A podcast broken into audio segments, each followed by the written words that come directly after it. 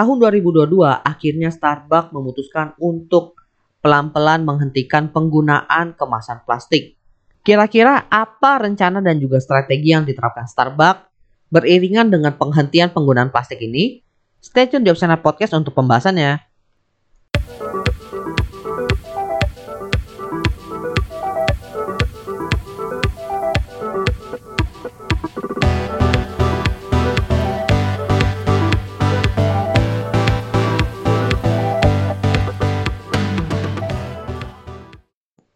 Halo semuanya, selamat datang kembali di Opsiana Podcast bersama dengan gue Edwin.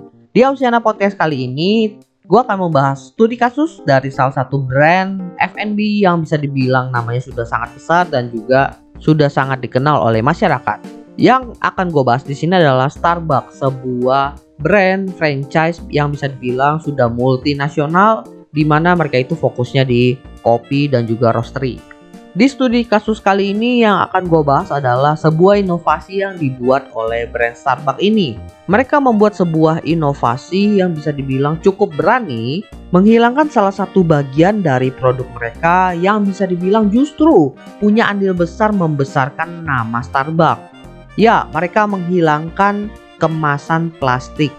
Hal ini dilakukan tidak lain dan tidak bukan karena mereka itu fokus dalam isu lingkungan salah satunya adalah dalam masalah polusi plastik. Seperti yang kita tahu bahwa kemasan plastik yang digunakan oleh Starbucks ini yang menjadi salah satu bagian marketing dari brand Starbucks yang bisa dibilang membuatnya besar sampai saat ini. Marketing dengan menuliskan nama customer, entah itu secara benar maupun salah. Kemudian Hal itu memancing customer untuk memposting kemasan itu di sosial media.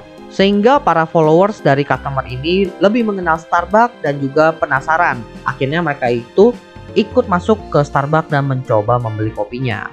Hal ini sudah dilakukan sejak tahun 2012, artinya sekarang 2022 sudah hampir 10 tahun.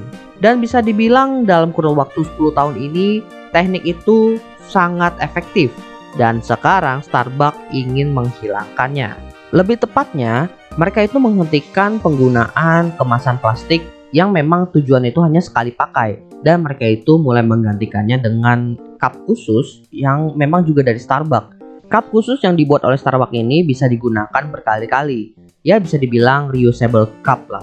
Pilihan lainnya selain menggunakan reusable cup ini adalah tentunya Starbucks sudah menyiapkan tumbler yang bisa dibeli oleh para customer kemudian dibawa ke mana-mana. Tumbler sendiri sebenarnya bukanlah barang baru ya. Bahkan Starbucks sudah mendorong penjualannya jauh sebelum mereka itu menghentikan penggunaan cup sekali pakai. Jadi kalau seandainya kalian itu pernah main ke Starbucks, mungkin kalian pernah memesan sebuah minuman, lalu setelah kalian memesan, kalian ditawari untuk uh, tumblernya. Itu adalah salah satu cara di mana uh, para staff dari Starbucks itu untuk meningkatkan penjualan dari sisi tumbler. Selain itu bisa dibilang juga Starbucks sering banget mengeluarkan tumbler-tumbler dengan edisi spesial yang tentunya limited edition jadi bukan cuma sekedar tumbler tapi menjadi sebuah koleksi juga bagi para customer loyalnya Starbucks karena hal ini sudah diterapkan jauh sebelum penghentian penggunaan cup sekali pakai bisa dibilang sekarang itu Starbucks tinggal melanjutkan aja langkah yang sudah mereka bangun dari masa-masa lalunya. Selain Starbucks mengeluarkan reusable cup dan juga mendorong penjualan tumbler sebagai salah satu solusi menghilangkannya cup sekali pakai, mereka juga mengeluarkan dua program yang bisa dibilang cukup menarik untuk para customernya Starbucks dan juga bisa membantu merubah habit dari para customer. Dan tentunya dua program yang mereka terapkan ini berhubungan erat dengan reusable cup yang mereka produksi saat ini yang tentunya juga membantu mendorong penjualan reusable cup-nya ya. Program pertamanya itu adalah Borrow Cup. Nah, Borrow Cup ini udah jelas dari namanya pinjam gelas. Nah, ini adalah program dari Starbucks di mana kita itu bisa meminjam reusable cup dengan membayar satu dolar dan kemudian setelah kita menggunakan reusable cup-nya itu kita mengembalikan reusable cup-nya kemudian kita bisa mengambil uang kita tadi. Jadi, kalau seandainya kita lupa mengembalikan reusable cup-nya tadi, reusable cup-nya ya jadi milik kita dan Starbucks mendapatkan satu dolar kita tadi atau setara dengan saat ini berapa ya 14.500 rupiah kalau di ditelaah ya, program ini ditargetkan untuk orang-orang yang tidak terbiasa membeli Starbucks itu menggunakan tumbler dan memang belum umum sih saat itu. Dan program ini juga membantu orang-orang yang memang belum terbiasa menggunakan reusable cup untuk membiasakan diri. Jadi mungkin proses pembelian atau transaksi Starbucks itu jadinya nggak jauh berbeda dengan yang sekarang ini. Cuma bedanya itu ada di reusable cup dan juga membayar tambahan sekitar satu dolar yang nantinya akan dibalikin kalau seandainya kalian itu udah selesai minum dan ngebalikin cupnya tadi. Jadinya ya kalau seandainya kalian itu lupa balikin, artinya kalian membeli cupnya. Kalau seandainya kalian nggak balikin, berarti kalian nggak beli cupnya. Kayak gitu aja. Jadi kayak double transaksi gitu. Gue masih pakai angkanya satu dolar ya. Meskipun dikonversi di Indonesia itu masih sekitar 14.500, tapi untuk harganya di Indonesia sendiri belum dipastikan berapa. Jadi tinggal tunggu aja implementasinya nanti di Indonesia seperti apa juga. Bisa dibilang program ini punya impact yang cukup gede juga menurut gua. Karena yang pertama ini membantu customer itu untuk membiasakan diri tapi tidak secara uh, besar-besaran tapi perlahan-lahan karena mereka tidak mengubah workflow-nya secara uh, keseluruhan. Lalu yang kedua, kalau seandainya customernya itu lupa mengembalikan reusable cup itu artinya kan mendorong penjualan reusable cup yang juga mereka mulai menjualnya saat ini. Dan yang ketiga, kalau seandainya customernya itu keseringan lupa kan, mungkin customernya itu akan mulai sadar juga daripada gua buang-buang duit, mending nih reusable cupnya gua bawa aja, sehingga membuat sebuah kebiasaan baru untuk customernya. Yang pada akhirnya menunjukkan bahwa apa yang dilakukan oleh Starbucks itu ternyata berimpact positif kepada lingkungan, sehingga bisa menaikkan citra dari brand Starbucks itu sendiri. Ini impactnya dari satu program aja loh, sedangkan mereka itu ada dua program jadi mari kita coba telaah program keduanya. Program keduanya itu namanya adalah bonus for bringing cup. Dari namanya aja udah jelas ya. Kalau seandainya kita melakukan transaksi pembelian kopi menggunakan cup atau reusable cup ya tepatnya, kita itu bisa mendapatkan bonus. Nah, tapi detailnya seperti apa?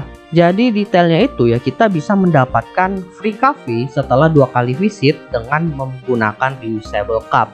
Gua ralat sedikit membawa dan menggunakan reusable cup. Jadi bisa dibilang ini adalah program terpisah dari si borrow cup tadi di mana kalau borrow cup itu kita meminjam cupnya.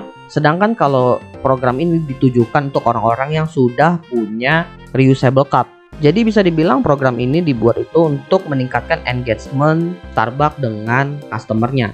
Bisa dibilang ini adalah program yang uh, standar ya, tidak terlalu wah-wah banget tapi dimodifikasi untuk menyesuaikan dengan penggunaan reusable cupnya. Jadi ya bisa dibilang program kedua ini baru efektif kalau memang uh, sudah banyak orang-orang yang menggunakan reusable cupnya.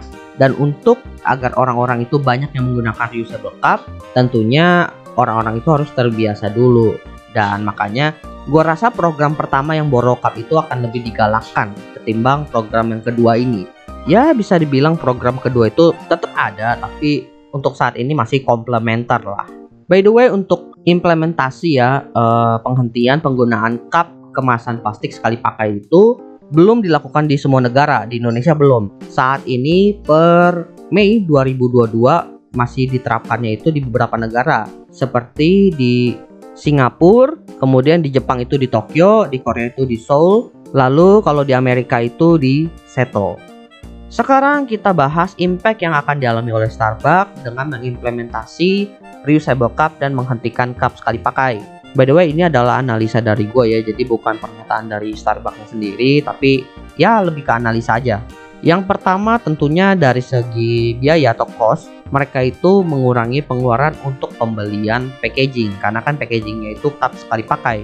Sebenarnya bukan cuma cup sekali pakai sih, semua kemasan yang menggunakan plastik gitu, seperti sedotan, karena di Indonesia sendiri penggunaan sedotan plastik itu sebenarnya udah dihentikan dari tahun 2020 ya dari Starbucksnya. Dan tentunya dengan penghentian penggunaan sedotan plastik saat itu terjadi pengurangan kos. Apalagi dengan penghentian cup sekali pakai. Yang bisa dibilang harga untuk cup sekali pakai itu yang terbuat dari plastik aja harganya juga lebih mahal daripada sedotan. Jadi pengeluarannya itu bisa dibilang jauh lebih mengecil untuk pembelian kemasan. Tapi kan Win kan mereka ganti ke reusable cup, itu kan juga kemasan. Kenapa dibilang tetap mengurangi pengeluaran pembelian packaging? Nah, itu masuk ke poin kedua. Poin kedua adalah Starbucks itu bisa fokus di bagian merchandising dan mulai berinovasi di sana.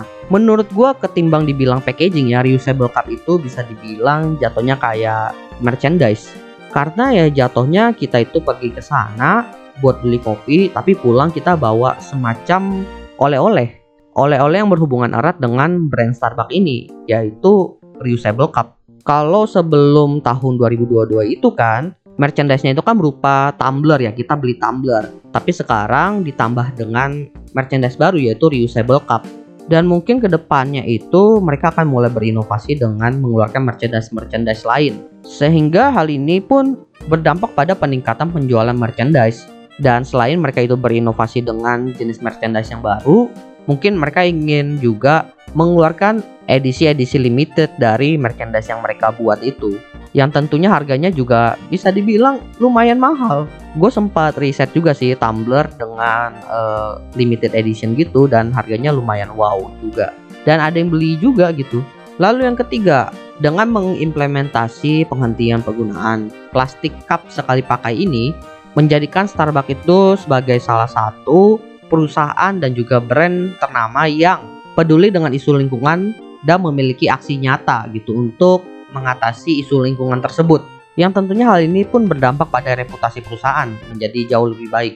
Dan hal ini pun menunjukkan kejeniusan dari Starbucks ya, yang bisa merubah masalah itu menjadi sebuah kesempatan. Di mana ketika dihadapkan oleh isu lingkungan dan mereka itu mulai menghentikan penggunaan plastik cup sekali pakai, mereka itu bisa meningkatkan penjualan dari merchandise-nya. Lalu poin terakhir adalah brand Starbucks itu akan semakin menyusup ke dalam kehidupan customernya. Karena Starbucks itu berencana mengeluarkan reusable cup dan membuat customer itu menggunakan reusable cup tersebut, tentunya reusable cupnya nanti punya logo Starbucks. Dan reusable cup ini kan bisa digunakan juga di luar dari minum kopi. Mungkin kita bisa pakai buat minum teh di rumah, bisa dipakai juga buat minum air kan. Dan tentunya reusable cup ini pun akan kita bawa ke mana-mana, terlebih kalau kita pengen ngopi Starbucks. Sehingga jangan heran kalau seandainya nanti kita akan jauh lebih sering melihat cup berlogo Starbucks. Entah itu di tempat umum atau di kantor, terlebih yang pasti di Starbucksnya juga. Sehingga bisa dibilang ini adalah branding yang lumayan efektif buat mereka kesannya nanti di mana-mana kalian akan melihat logo Starbucks. Di mana-mana ada Starbucks. Tapi balik lagi ya, semua impact yang gue sebutkan tadi itu baru akan terjadi atau dirasakan ketika Starbucks itu berhasil mengeksekusi program-program yang sudah mereka rencanakan tadi. Menurut kalian bagaimana? Apakah program-program dan strategi yang direncanakan Starbucks itu akan berjalan dengan lancar dan juga bisa berhasil di pasar. Dan buat teman-teman setelah mendengarkan program-program dari Starbucks tadi, apakah kalian tertarik untuk mengikuti program-program tersebut? Well, semuanya baru bisa kita lihat setelah implementasi langsung di Indonesia ya. So, kita tungguin aja. Oke, buat teman-teman semuanya, bagaimana podcast kali ini bermanfaat kan? By the way, Opsiana baru aja nih ngeluarin beberapa konten eksklusif yang bisa kalian dengarkan langsung hanya di karyakarsa.com. Dan biar teman-teman gak kelupaan kalau ada update nih dari Opsiana, teman-teman bisa langsung follow akun Instagram Opsiana Podcast di @opsiana_media atau join grup Telegram dari Opsiana Podcast yang bisa kalian dapatkan linknya di link bio Instagram Opsiana Media atau di halaman utama karyakarsa.com/opsiana. Ditunggu ya partisipasi teman-teman agar Opsiana dapat berkembang bersama dengan kalian semua. Oke, gua rasa itu aja yang pengen gue bahas di studi kasus kali ini. Semoga bermanfaat. See you next time buat semuanya di episode selanjutnya. Bye.